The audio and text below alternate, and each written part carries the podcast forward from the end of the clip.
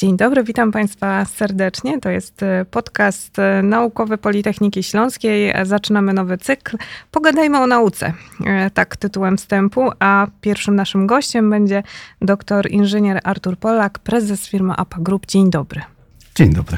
Chciałabym oczywiście zacząć od tego, co dla nas aktualne, e, czyli spotkaliśmy się dosłownie kilka dni temu na otwarciu Centrum e, Testowania Technologii Przemysłu 4.0.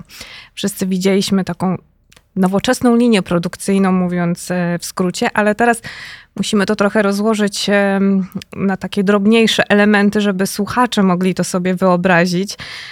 Stąd może zacznę od tej uwagi, którą mi podczas otwarcia często powtarzano, że tu nie chodzi o te roboty, tu nie chodzi o tą maszynerię, która tam jest, e, nazywając to tak opisowo, tylko o coś, czego nie widać. Czyli co tam jest właściwie najważniejsze w takiej nowoczesnej fabryce, na takiej nowoczesnej linii produkcyjnej, czego nie widać, a co robi największą robotę.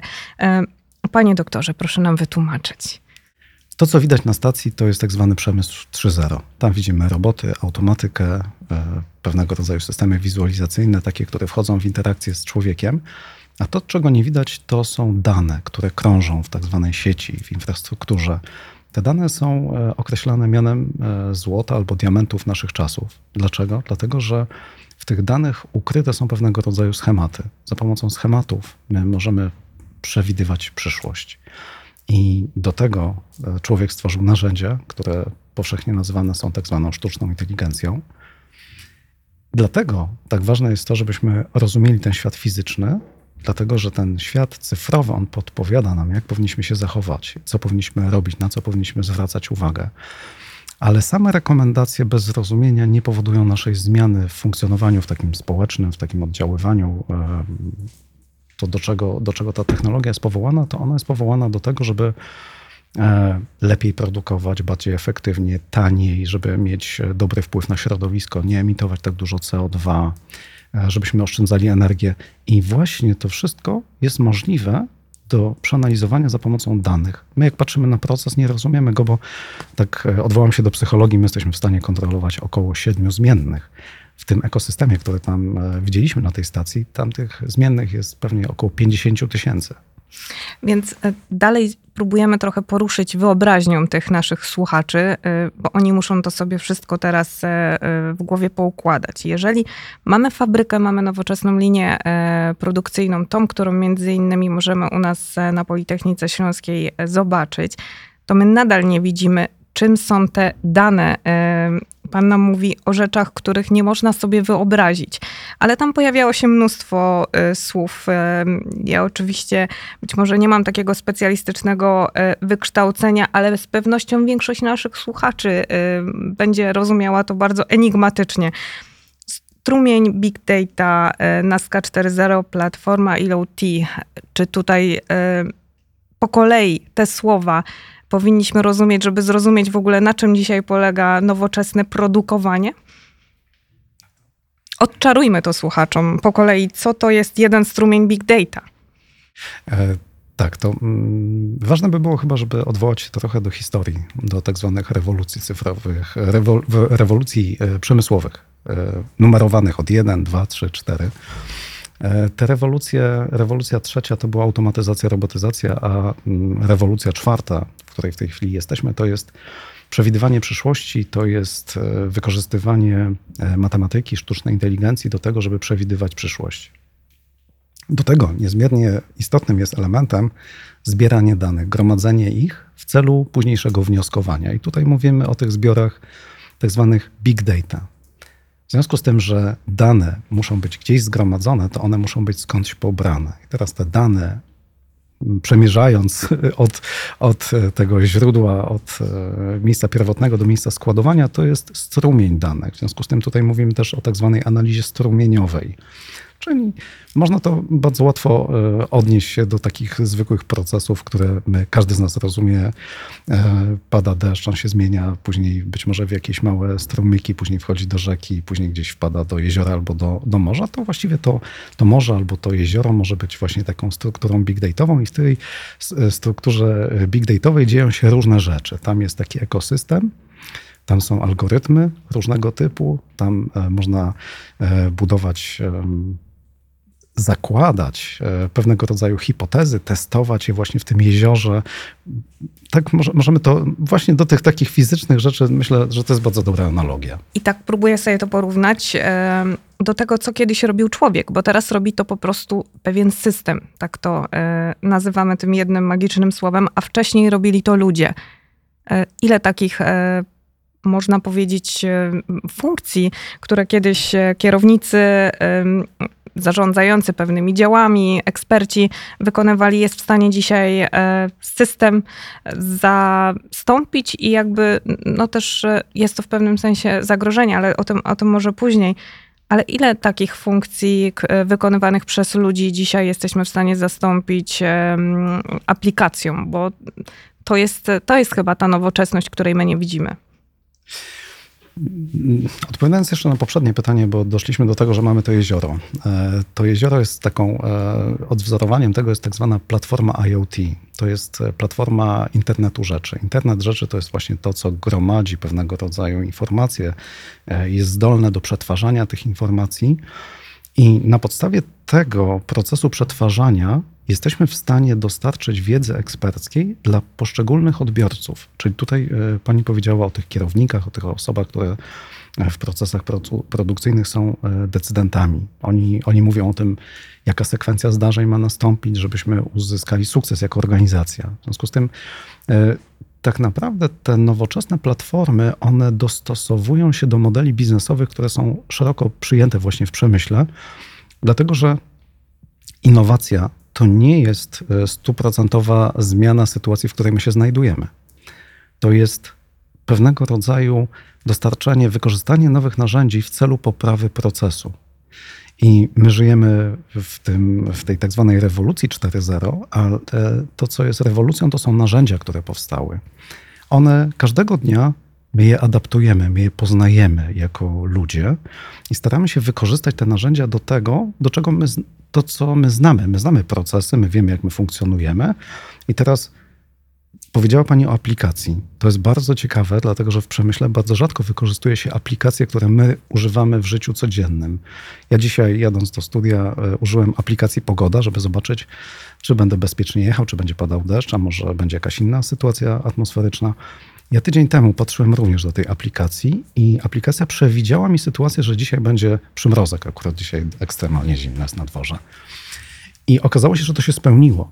W związku z tym ja w życiu prywatnym jestem przygotowany do tego, żeby korzystać z tych aplikacji. Nauczyłem się wykorzystywać sztuczną inteligencję na swoje potrzeby. I teraz my mówimy o takim procesie adaptacji, wykorzystania tych nowych narzędzi do tego, żebyśmy poprawili swoje efekty pracy. Czyli to jest ta aplikacyjność. I tutaj ten czynnik ludzki, jeszcze raz e, chciałabym e, trochę mu się przyjrzeć, bo skoro my możemy pewne decyzje zastąpić te ludzkie decyzje, zastąpić systemem, jakimś oprogramowaniem, to jakie decyzje może nam takie oprogramowanie zastąpić? Na jakim etapie? E, czy to są właśnie decyzje dotyczące mm, na, na przykład poprawy efektywności, czy, czy na przykład oszczędności, e, czy zużycia materiału? Czego konkretnie e, może to dotyczyć? My żyjemy w tej chwili w tak zwanych czasach niedoboru. Brakuje nam energii, brakuje nam właściwie wszystkiego. E, musimy podejmować każdego dnia, w każdej godzinie, w każdej minucie decyzję, co zrobimy, e, żeby było dobrze. I te nowoczesne systemy wspierające proces decyzyjny to są systemy, które z analizy danych, z przetwarzania tych informacji pochodzących z różnych źródeł podpowiadają nam, co my mamy zrobić. I teraz decyzja należy do nas. My mówimy troszeczkę o czymś takim jak wykorzystanie sztucznej inteligencji w procesie decyzyjnym. Czyli sztuczna inteligencja jest tym elementem przetwarzającym informacje, takim, który z różnych źródeł danych pobiera te informacje, przetwarza je i mówi nam, jeżeli pójdziesz tą ścieżką, to uzyskasz 90% sukcesu, skręcisz w lewo, to będzie 60% sukcesu, prawdopodobnie. A jest jeszcze alternatywna ścieżka, która jest bardzo ryzykowna i tam jest 30% sukcesu. I teraz my jako ludzie podejmujemy decyzję, bo to my jesteśmy sprawcze. Tutaj musimy pamiętać o tym, że sztuczna inteligencja może nam podpowiadać. W tej chwili żyjemy w takim czasie, gdzie bardzo popularne jest e, rozwiązanie e, bazujące na sztucznej inteligencji, pewien czat, który się pojawił w tej chwili. E, powszechnie wykorzystują go studenci, naukowcy testują, właściwie wszyscy, wszyscy czerpią z tego zabawę.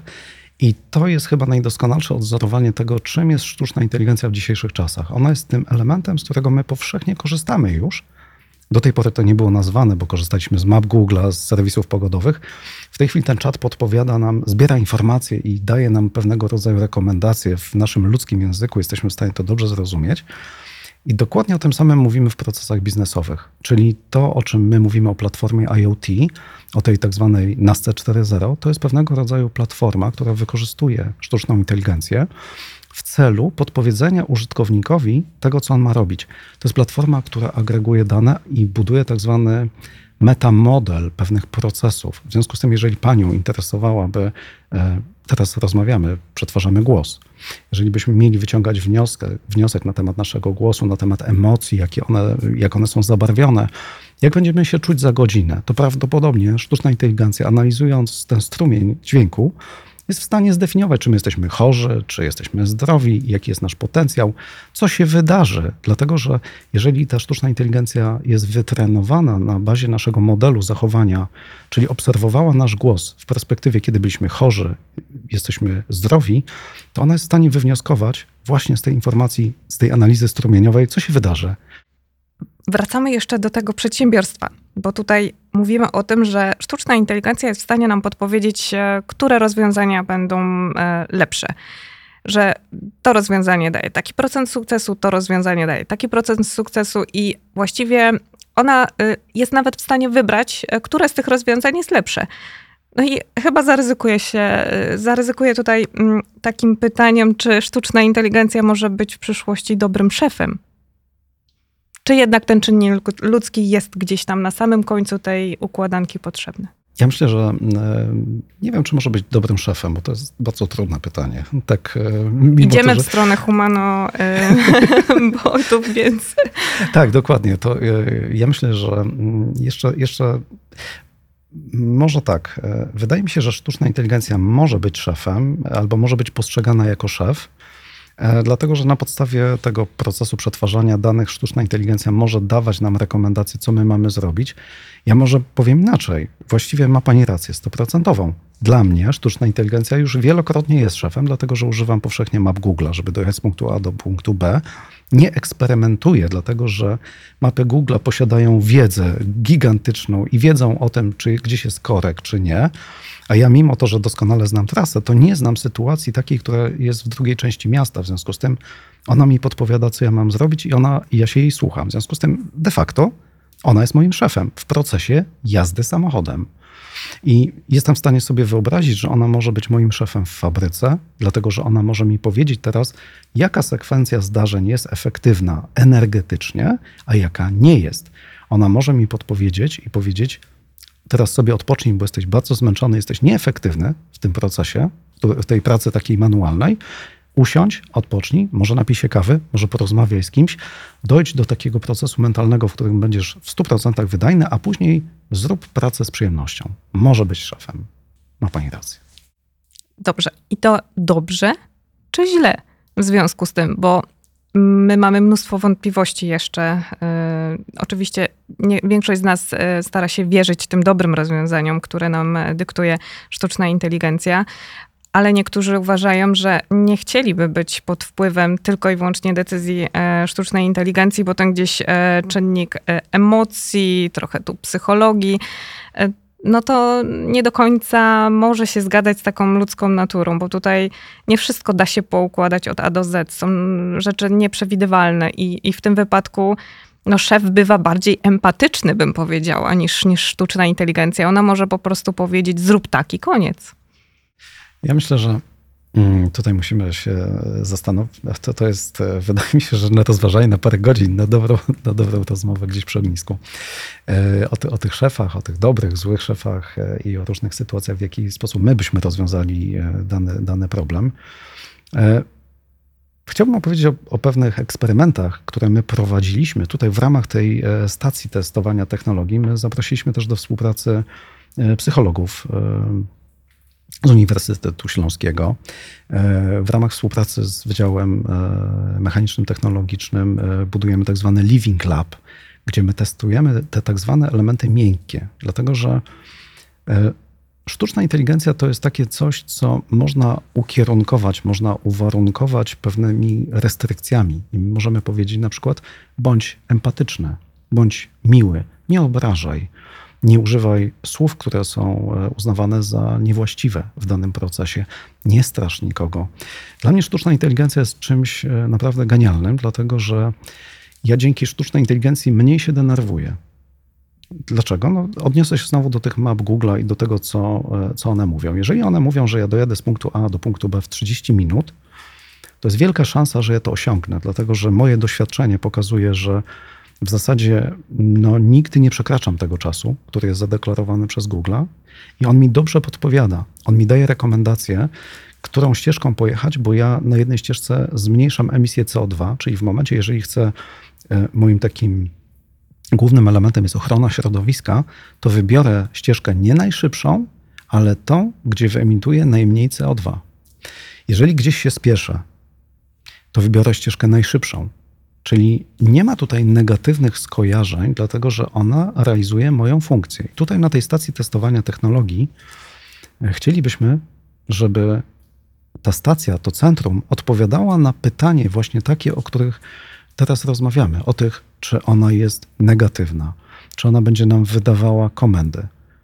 To jest tylko i wyłącznie technologia, to jest zwykłe narzędzie. My bardzo często to, czego nie rozumiemy, interpretujemy jako potężne zagrożenie, bo my jako ludzie zawsze się boimy tego, czego nie znamy. I tu z doskonałą odpowiedzią przychodzi nauka, dlatego że nauka stawia hipotezę, bada i daje daje konkretną informację, jak wykorzystać dobrze technologię. I teraz naszym zadaniem i wszystkich naukowców, którzy tutaj pracują na Politechnice Śląskiej, jest testowanie pewnych hipotez. Jak zastosować naukę w celu poprawy procesu, żeby nam jako ludziom żyło się łatwiej, przyjemniej i bezpieczniej, żebyśmy żyli w przewidywalnych czasach, a nie w takich czasach, w jakich dzisiaj żyjemy, dlatego że dzisiaj żyjemy w czasach niedoboru. Z racji tego, że my nie mamy wiedzy eksperckiej, boimy się wzrost cen, brak dostępności, blackouty. Jesteśmy straszeni tym każdego dnia z, z, z mediów. W związku z tym tego typu działanie, właśnie Living Lab, te testowanie, testowanie technologii, ono odczarowuje te rzeczy i my w końcu powiemy, poznaliśmy sztuczną inteligencję, my wiemy, że ona może pracować dobrze. Być może potrafi też pracować źle. Zdefiniujemy dobrze, źle, nie idźmy w stronę złego, idźmy w stronę dobrego. To jest, to jest nasz główny cel eliminacja strachu, wzrost wiedzy i akceptacja zmiany. My musimy pamiętać o tym, że jest, żyjemy w takich czasach, gdzie wiele państw wykorzystujących właśnie sztuczną inteligencję, technologię, uzyskują niesamowitą przewagę konkurencyjną. Oni dominują rynek. W związku z tym, jeżeli my nie wejdziemy na tą drogę, to zostaniemy w ogonie technologicznym. A moim takim marzeniem jest, żebyśmy pracowali mądrze, a nie bardzo ciężko, bo Jesteśmy na Śląsku, tutaj jest etos pracy, e, potrafimy pracować ciężko, mądrze też. I a propos y, Ślązaków i tego, y, w jakiej sytuacji stawia się teraz y, chociażby rynek tutaj, bo tutaj wchodzimy na nowy temat i to też ma powiązanie z tym, o czym rozmawiamy, bo Mówi się, że odchodzimy od e, rynku węgla. E, temu trzeba powiedzieć powoli e, do widzenia, ale w związku z tym mają wjechać tutaj nam na ten, na ten teren nowoczesne technologie. W tym kierunku się rozwijamy, strefy ekonomiczne również w tym kierunku się rozwijają z jednej strony jesteśmy gotowi na to, bo, bo, pokazują się fachowcy u nas także e, w tych branżach, w tych dyscyplinach. Z drugiej strony jest ta sztuczna inteligencja, o której rozmawiamy, która jest tak naprawdę w stanie zastąpić wielu fachowców.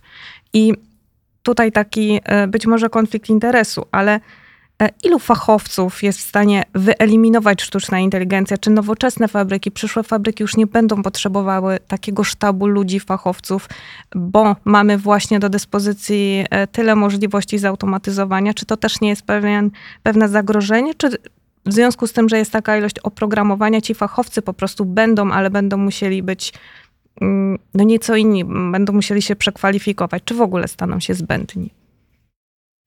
Znowu jesteśmy w takim e, etapie rozważań. E, ostatnie badania rynku pokazują, że nowoczesne e, wejście właśnie do tych rozwiązań 4.0. 10 lat temu naukowcy, naukowcy, futuryści przewidywali, że sztuczna inteligencja może wyeliminować wiele osób, ale też, że stworzy zawody przyszłości. E, ostatnie informacje, które pochodzą gdzieś e, z raportów, takich, które są powszechnie dostępne, pokazują, że na dzień dzisiejszy mamy niedobór kadr i ludzi. W związku z tym wytworzyły się zupełnie nowe zawody, których jeszcze e, parę lat temu nie było na rynku. I podejrzewam, że przez najbliższych 10-15 lat będziemy właśnie szli w tym kierunku, że my będziemy musieli zdobywać wiedzę, będą powstawały nowe zawody, i eksperci, którzy dzisiaj pracują w Excelu, na przykład, bo bardzo często tak jest, zaczną wykorzystywać inne metody, inne platformy, inne narzędzia. Ich wiedza zostanie wzbogacona o inne źródła. W związku z tym, dzięki temu będziemy jeszcze bardziej efektywni, jeszcze bardziej będziemy trafnie przewidywać przyszłość, będziemy modelować e, procesy czy produkcyjne, czy, czy to, jak my funkcjonujemy w biurze. E, COVID dokonał transformacji cyfrowej w naszych głowach. E, telepraca, e, powszechne użytkowanie urządzeń mobilnych, teleportacja swoista. Mniej podróżujemy, to już jest fakt zmierzony, prawda? W związku z tym, czy coś się zmieniło w ekosystemie? Nie. Powstało nowe narzędzie, nauczyliśmy się jego używać i teraz kreujemy nowe rzeczy. E, sztuczna inteligencja daje nam możliwość e, bycia artystą, poczucia się jako artystą. Także jestem w stanie zamienić swój rysunek odręczny w dzieło sztuki i nadać mu wymiaru Picassa. To jest możliwe w tej chwili, w ciągu pół godziny jesteśmy w stanie takie coś zrobić, może nawet szybciej. I to odpowiada na takie nasze potrzeby. W związku z tym, czy ona wyeliminuje ludzi z rynku pracy? Wydaje mi się, że ona przemodeluje rynek pracy, ale nie wyeliminuje ludzi. Dlatego, że na dzień dzisiejszy my jeszcze nie wiemy, w jaką stronę będziemy wykorzystywać te, te narzędzia, jak, jak, jak będziemy realizować niektóre projekty. Moja obserwacja rozwiązań IoT, NASKI, tego wszystkiego, co zbudowaliśmy tutaj, tego ekosystemu, e, to pokazuje, że nagle my jesteśmy w stanie zbudować projekt, gdzie łączymy wiedzę naukowców ze wszystkich wydziałów. Coś, co do tej pory było tak zwanymi silosami wiedzy, nagle okazuje się, że platforma internetu rzeczy łączy wiedzę ekspertów ze wszystkich wydziałów i każda wiedza jest potrzebna. Nie ma wiedzy mniej potrzebnej, bardziej potrzebnej, dlatego że e, ta wiedza jest równa. Ona trafia do jednego zbioru danych, jest przetwarzana właśnie w celu optymalizacji, czyli e, zadała Pani pytanie, czy ona wyeliminuje kogoś? Nie. Moim zdaniem ona spowoduje to, że my będziemy pracować w inny, ciekawszy sposób. Będziemy szybciej dochodzić do e, rezultatów, do rozwiązań. Będziemy szybciej w stanie testować te rozwiązania, które są wypracowane przez nas, jako przez ekspertów, do tego, żeby budować rozwiązania, które będziemy pokazywać końcowemu użytkownikowi. Jeśli mówimy o tych nowych e, rozwiązaniach i o tych możliwościach, które nam e, daje to oprogramowanie, już nazwijmy to jednym wielkim słowem, jakie e, decyzje i w jakich decyzjach jest w stanie nam pomóc ten system, bo mówimy tutaj o tym, żeby na przykład tak zaprogramować, zaprojektować fabrykę, żeby ona jak najmniej pobierała energii, prądu, bo wszyscy wiemy, że jest z tym teraz problem, więc jeśli można na tym zaoszczędzić, to dlaczego nie? I zacznijmy od tego, bo to jest chyba problem, który dotyczy zarówno nie, nie tylko wielkich fabryk, bo my nie, nie musimy rozmawiać tutaj o wielkich przedsiębiorstwach, bo pewnie słuchają nas tacy mali przedsiębiorcy, którzy prowadzą swoje mniejsze interesy, czy u nich też można takie e, rozwiązania zastosować, bo nie chcemy, żeby to była rozmowa przeznaczona tylko do wybranych, bo, bo duże fabryki przecież nie są zarządzane przez tych mniejszych przedsiębiorców, ale małych firm mamy tutaj, średnich e, przedsiębiorstw na Śląsku też dużo. Czy oni u siebie takie rozwiązania mogą za, e, zastosować? Te nowoczesne mm, rozwiązania informatyczne one, ich takim podstawowym e, założeniem jest to, że one są skalowalne. I co to znaczy ta skalowalność? Ta skalowalność właśnie e, jest zdefiniowana przez takie coś, że może stosować tą samą technologię małe przedsiębiorstwo, które może składać się z 3, 5, 10, 20 pracowników. I ta sama technologia może sterować całym koncernem. Dlaczego? Dlatego, że zdefiniowane są pewne wzorce, e, w jaki sposób taką technologię stosować. E, przemysł 4.0, bo trochę się poruszamy w tej kategorii. Jego jednym z podstawowych założeń jest e, testowanie, czy ta technologia powinna się znaleźć w przedsiębiorstwie, czy ona się komuś opłaca, czy ona coś przyniesie dobrego dla przedsiębiorcy. I to jest nazywane pilotażami. W związku z tym w każdym przedsiębiorstwie można przeprowadzić taki pilotaż, na podstawie którego zakładamy pewien cel, dokładamy do tego technologię i obserwujemy, czy ta technologia przynosi nam zyski czy straty. Jeżeli przynosi zyski, to trzeba te zyski wyskalować.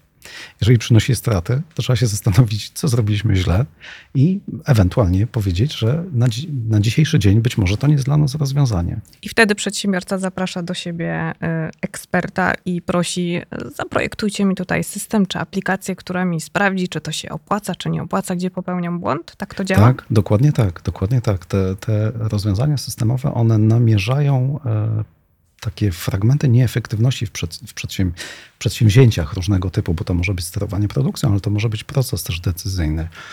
Taka, takie rozwiązanie informatyczne, ono też nie eliminuje ludzi z procesu, dlatego że w czasie takiego pilotażu my wykorzystujemy głęboką wiedzę ekspercką operatorów, tych, którzy już są w procesie, tych ludzi, którzy dzisiaj wykonują pracę czasami manualnie, czasami ta praca może pozostać manualna, ale może być nadzorowana przez system informatyczny.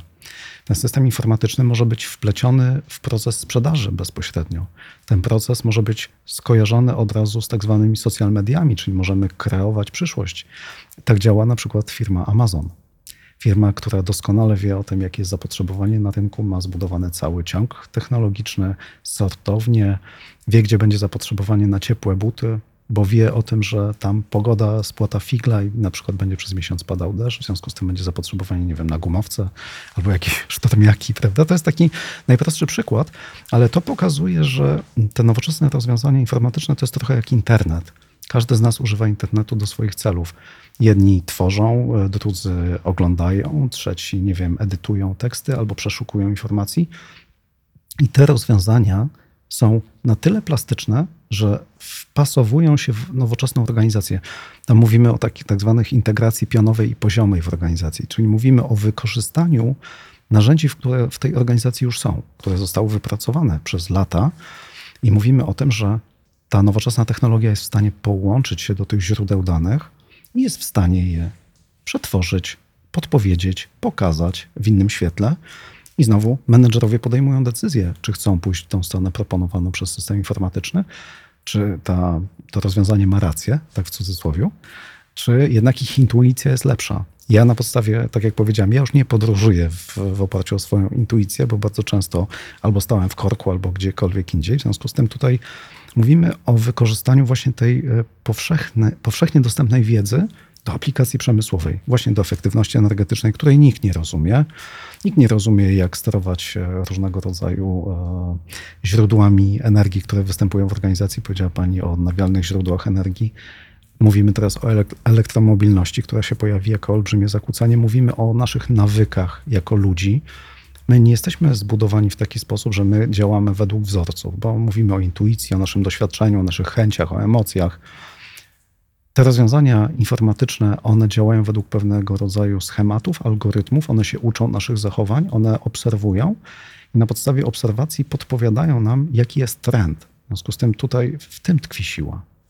A przykłady takie, y, które poruszyłyby naszą wyobraźnią. Mm, jakie firmy, mogą, jacy przedsiębiorcy mogą zajrzeć do nas na Politechnikę Śląską, do centrum, e, które właśnie powstało, Centrum Testowania Technologii Przemysłu 4.0, przyjść, zobaczyć, e, tak jak było powiedziane podczas prezentacji, wziąć kawkę do ręki e, i sprawdzić, jakie to rozwiązania mógłbym przenieść na przykład na mm, na tą, do tej mojej firmy, tak? Na, na moje własne podwórko. Kto hmm. powinien się wybrać na wycieczkę do tego centrum? Jaki przedsiębiorca, bo wie, że może na tym skorzystać? Ja myślę, że każdy przedsiębiorca, który sam czuje, że już e, jego produkcja nie jest konkurencyjna na rynku. Ktoś, kto e, nie ma odpowiedniej marży na swoich produktach i widzi, że na rynku pojawiają się produkty pochodzące z zagranicy, które są tańsze, które czasami mają lepszy design, e, które są dostarczane do odbiorców na ich zamówienie.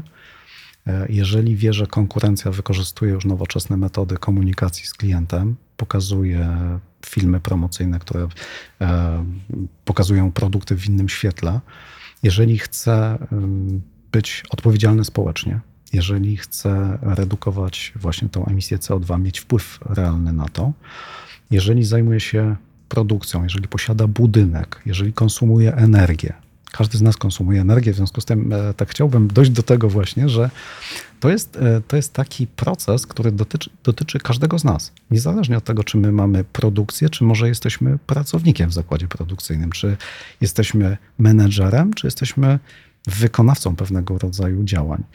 Każdy znajdzie tutaj odpowiedź na pytania, które do tej pory być może e, nie, nie znalazł odpowiedzi. A jeżeli zada takie pytania, na które nie znajdzie odpowiedzi, to to jest początek badań dla naukowców z Politechniki. Także to, to, to jest taki, tak, tak zwany win-win. A jeśli chodzi o efektywność energetyczną, to myślę, że nawet y, nie trzeba być przedsiębiorcą. Dzisiaj wystarczy być po prostu obywatelem, żeby y, wybrać się tutaj i y, chcieć poszukać rozwiązania, jak można by było taniej w domu funkcjonować, co zrobić, gdzie być może w domach też i, i w naszych na naszych prywatnych e, posesjach e, można też e, takie rozwiązania zastosować? O, to jest pytanie właśnie do naszego eksperta. To ja mam taki mm, być może ciekawy przykład, który zaciekawi słuchaczy. Mniej więcej 8 lat temu realizowaliśmy taki duży projekt dla galerii handlowej, dla gigantycznej galerii handlowej. 130 najemców, ponad 50 tysięcy metrów kwadratowych powierzchni sprzedażowej i takiej ekspozycyjnej. I Zostaliśmy poproszeni o to, żeby e, zmniejszyć konsumpcję energii właśnie w tej galerii, dlatego że rachunki były wysokie. I e, dla mnie to był szok e, taki poznawczy, bo ja już miałem dosyć duże, bogate doświadczenie takie w przemyśle, jak automatyzować, jak to optymalizować procesy przemysłowe. I nagle dostaliśmy do optymalizacji proces taki cywilny zupełnie, prawda? No, galeria, którą każdy z nas gdzieś przed oczami jest w stanie sobie wyobrazić. Pierwsze punkt, z którym się zmierzyliśmy, to, mm, że tych 130 najemców e, płaciło za energię według e, zajmowanej powierzchni, czyli metra kwadratowego, ale e, ci najemcy wyszli do właściciela, do operatora tej galerii, że chcieliby płacić za faktyczne zużycie. W związku z tym ten operator zamontował im liczniki. Te liczniki były spisywane przez jednego pracownika technicznego, który spisywał je na kartkę papieru. Ta kartka papieru wędrowała do działu księgowości. Dział księgowości przepisywał to do procesów tam księgowych i była refaktura za ten zużyty, zużyty prąd. Ale okazywało się, że w tym procesie można popełnić już co najmniej kilka pomyłek, czyli w procesie sczytywania licznika już można popełnić błąd, zapisywania na kartkę drugi błąd, wpisywania do, do tego programu księgowego trzeci błąd. I rzeczywiście y, ten, ten pomysł nie, nie przyniósł żadnego rozwiązania. E, dostarczyliśmy tam system informatyczny, który z automatu pobierał te wszystkie informacje z poszczególnych liczników i generował fakturę. Ale to nie było wystarczające, dlatego że w tym procesie każdemu z tych użytkowników pokazaliśmy profil zużycia energii. I to było coś niesamowitego. To było coś, co e, spowodowało e, gigantyczny przełom w tym procesie. Nagle użytkownicy czy e, ci najemcy, obserwując, jak zużywają energię w poniedziałek, wtorek, sobotę, niedzielę, w dzień i w nocy, zaczęli zadawać pytanie, że jak to się dzieje, że jeżeli oni nie są w tej galerii handlowej, w swoim boksie, w tym, w tym sklepie, ta energia jest konsumowana. Zaczęli sami zadawać sobie pytanie.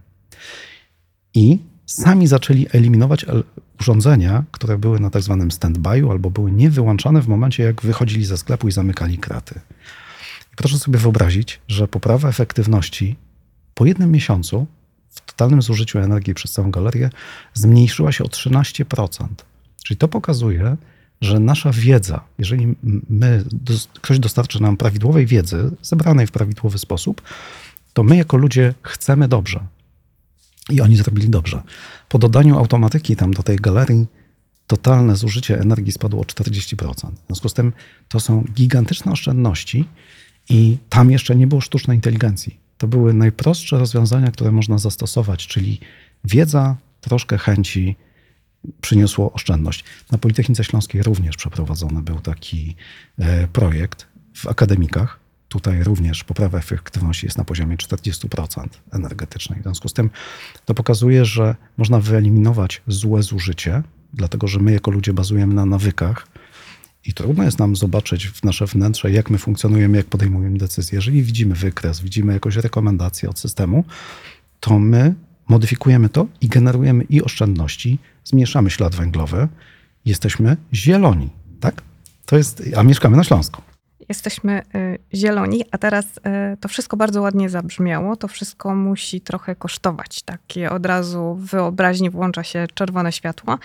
To na pewno kosztuje i w związku z tym pytanie jest proste czy wszystkich na to stać. E, przedsiębiorców, e, którzy być może nie mają zbyt dużych budżetów, e, żeby jeszcze inwestować w jakieś nowoczesne rozwiązania, stąd czasem idą w jakieś rozwiązania, które mm, nie wymagają takich nakładów finansowych, nawet jeśli w perspektywie czasu mogłyby się okazać bardziej korzystne czy dzisiaj tą automatyzacja, robotyzacja to się musi wiązać e, rzeczywiście z dużymi kosztami? To jest ogromna inwestycja dla firmy, ale opłacalna? Czy, czy te koszty, w związku z tym, że staje się to coraz bardziej popularne, to też już nie jest e, e, rzecz, na którą sobie przeciętny przedsiębiorca nie może pozwolić? Każda technologia na początku kosztuje spore pieniądze. Stąd ta lampka, tak. Stąd ta lampka czerwona, tak. o której mówiłem teraz. Ta lampka już zgasła ta lampka już w tej chwili jest zielona. Dlaczego? Dlatego, że ta technologia już jest dojrzała. Ona przeszła przez ten czas taki rozwojowy. To jest ta technologia, te elementy, o których my dzisiaj rozmawiamy tutaj, to właściwie jest technologia powszechnie znana, tylko rzadko używana. E, takie moje spostrzeżenie mm, w zeszłym roku jeszcze, dwa lata temu, energia była stosunkowo tania i powszechnie dostępna. I menedżerowie w fabrykach, my jako ludzie, w ogóle się nie zastanawialiśmy, jak używamy energii. Od czasu do czasu ktoś nam mówił, że trzeba redukować emisję CO2, że trzeba być zielonym, wyłączać urządzenia, ale to nas nie bolało. W związku z tym kiwaliśmy głowami ze zrozumieniem, ale nie zmienialiśmy procesu. Dzisiaj, w momencie, jeżeli energia, jej cena zmieniła się diametralnie, e, część przedsiębiorców po prostu zamyka swój biznes ze względu na to, że nie są w stanie e, zapłacić za energię, ewentualnie klienci nie są w stanie zapłacić za tak drogie produkty i oni muszą po prostu tą e, swoją działalność zamknąć to wydaje mi się, że to jest taka odpowiedź, czy to jest dla wszystkich technologia. Tak, jest ona dla wszystkich. Czy powinniśmy patrzeć na tą technologię i wprowadzać elementy związane z oszczędzaniem? Tak, powinniśmy to zrobić. Kiedy? Natychmiast. Czyli ten przedsiębiorca, y, który myśli o zamknięciu raczej, to jeszcze powinien za ten ostatni, y, za tą ostatnią szansę się zabrać i jeszcze doinwestować, spróbować? Y, moje spostrzeżenie takie z rynku, tego co się dzieje dosyć powszechnie, to my eliminujemy rzeczy, na których się znamy, czyli staramy się obniżyć koszty prowadzenia działalności przez takie najprostsze metody, eliminację rzeczy zbędnych. Ale w związku z tym, że ta energia jest takim elementem trochę, na którym się mało kto zna, mało kto rozumie, w jaki sposób energia funkcjonuje w ekosystemie, to menedżerowie mówią, nie zajmuję się tym, bo nie wiem, czy nie zepsuję. Albo jesteśmy przygotowani do tego, żeby wykorzystywać metody, które były 10 lat temu albo 15-20 lat temu wypracowane i nie używamy tych nowych narzędzi do tego, żeby zoptymalizować proces. Jeżeli wyobrazimy sobie, że można wprowadzić 40% optymalizację energetyczną, w zasadzie w bardzo wielu procesach, to to może mieć gigantyczne przełożenie na zyskowność w naszym biznesie. Energia definiuje funkcjonowanie przedsiębiorstw. Jeżeli obserwujemy profil energetyczny, to wiemy, jak funkcjonuje biznes. Dlatego to jest bardzo tanie. Dzisiaj tylko i wyłącznie obserwacja profilu energetycznego daje nam możliwość wnioskowania. Ja już nie mówię tutaj o sztucznej inteligencji. Ta sztuczna inteligencja już jest zaszyta w bardzo wiele rozwiązań. Ona działa z pomocą człowiekowi, żeby pokazać mu elementy właśnie tej nieefektywności, żeby zwrócił uwagę na pewnego rodzaju procesy. E, wielu menedżerów, którzy patrzy na wykresy właśnie energetyczne, dokonuje modyfikacji działań biznesowych. Do tego, kiedy załączać maszyny, urządzenia, kiedy operator powinien podejść do maszyny i jak z nią pracować, e, czy procesy pracy maszyn są optymalne. To wszystko można odczytać z profili energetycznych. I to jest taka skrzynka wiedzy, Jeżeli dozbroimy je w pozostałe media, ciepło, e, ciśnienie, e, wodę, jakieś inne media, to my nagle mamy takie e, odzorowanie chemiczne organizacji, tak jakbyśmy mm, człowieka wysłali na badanie krwi, założyli mu jakiegoś holtera albo EKG. W tym momencie ktoś, kto się zna na tym, a nawet jak się nie zna, to te wskaźniki, które dostajemy z laboratorium, one nam określają pewnego wzorce, normalizację. Nawet jeżeli ja się nie znam na tym, co to jest, to mogę zadać sobie pytanie, dlaczego dany wskaźnik jest przekroczony. I to jest podstawa do tego, żeby prowadzić rozmowę z ekspertem. Jeżeli nie mam tej wiedzy, nie mogę prowadzić tej rozmowy. Tak trochę się nasuwa takie porównanie, że to menedżer czy mm, szef powinien się wybrać na kozatkę do naukowca. Trochę tak to brzmi. Ja myślę, po poradę. Nie, no doszliśmy do tego, że nie do naukowca na kozetkę, tylko na kawę do stacji testowania technologii, żeby zadał kilka pytań takich, żeby zobaczył, jak inni to robią. Bardzo ważne jest też to, żebyśmy wymieniali się wiedzą. I to trochę jest tak, jak lekarze mówią, nie, nie zadawaj pytania Google'owi, e, jaką chorobę masz, bo on ci jest w stanie różne rzeczy tam podpowiedzieć. To tak samo tutaj, jeżeli przyjdziemy przy kawie, porozmawiamy o procesie, to po pierwsze jest to niezobowiązujące, po drugie rodzi się wiele pomysłów ciekawych, ciekawych rozwiązań.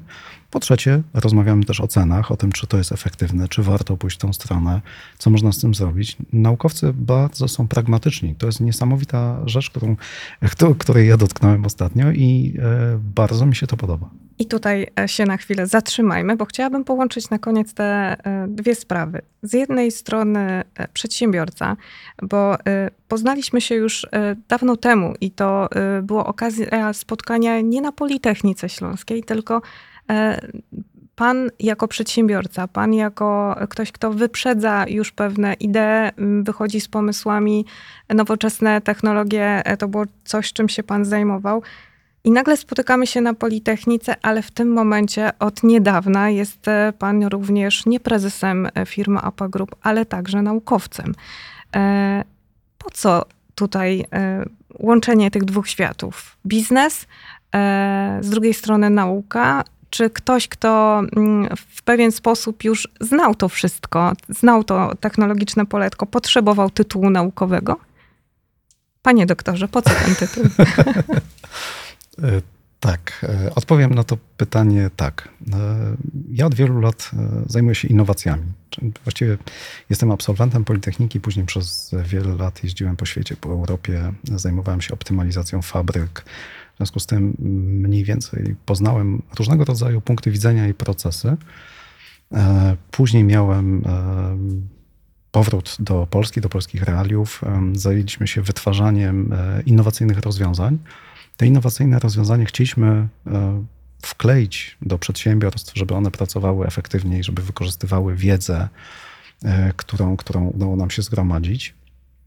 Muszę powiedzieć, że jest bardzo duży opór przed implementacją tej wiedzy.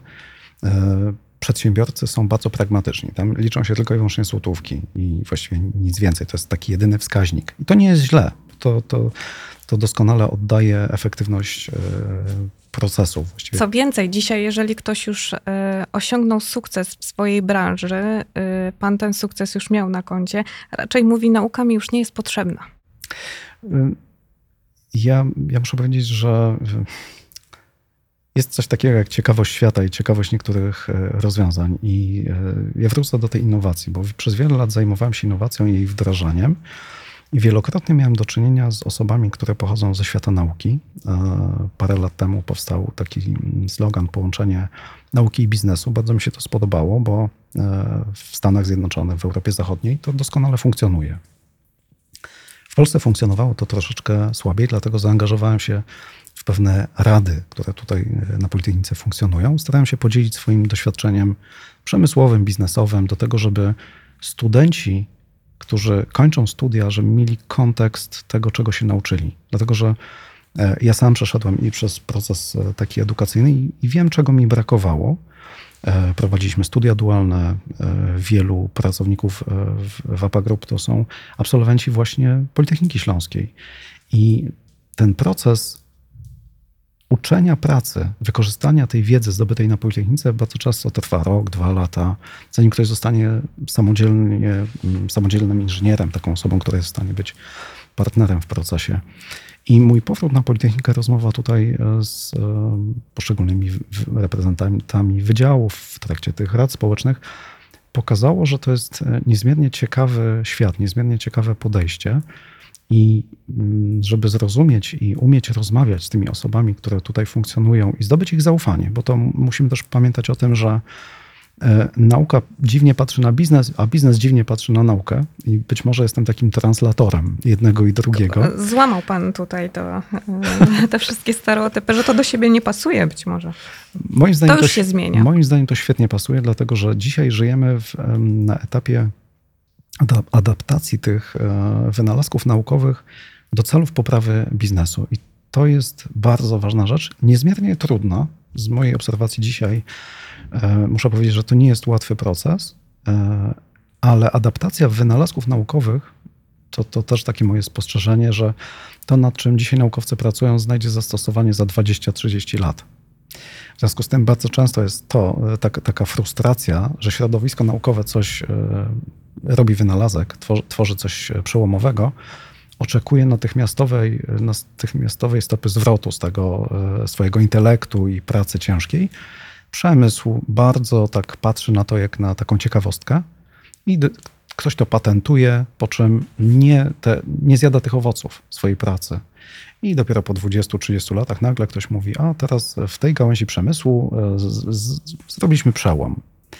Okazuje się, że zastosował technologię sprzed 20-30 lat, Eureka, ale osoba, która to wynalazła, już właściwie nie jest albo w biznesie, albo w nauce, albo już nie jest zainteresowana, już jest tak zmęczona tym wszystkim, że, że to nie jest dobre. I teraz dlaczego tak długi wywód? Dlatego, że e, moim marzeniem jest to, że te wynalazki, które są wytwarzane w, na wszystkich wydziałach, które tutaj są, mogą być dzisiaj dobrze upakowane, mogą być zaprezentowane, mogą być skomercjalizowane właśnie dzięki takiemu centrum testowania technologii przyszłości, przemysłu. E, dlatego, że jeżeli my wynalazku nie pokażemy, że on działa, nie pokażemy go w istniejącym ekosystemie, w infrastrukturze, to nikt z przemysłu nie uwierzy, że to działa. To jest przemysł również jest bardzo pragmatyczny, on nie eksperymentuje, tam nie ma miejsca na pomyłki, na porażki. Dlatego tak te światy trudno jest ze sobą połączyć, ale Politechnika robi naprawdę doskonałą pracę, zapraszając przedsiębiorców, e, łącząc ludzi, doktoraty wdrożeniowe. To, to są właśnie te elementy takie, które pomagają nam nawzajem się zrozumieć. I dlatego e, ten przykład e, w Pana osobie, doktor inżynier Artur Polak, prezes APA Group, jednocześnie naukowiec Politechniki Śląskiej, zaprasza na kawę do Centrum Zapraszam. Testowania Technologii Przemysłu 4.0 i tam można połączyć i biznes, i naukę. Doskonałe połączenie. My oczywiście Pogadaliśmy o nauce w podcaście Politechniki Śląskiej. Bardzo dziękuję za rozmowę. Serdecznie dziękuję. I zapraszamy oczywiście na nasze kolejne spotkania.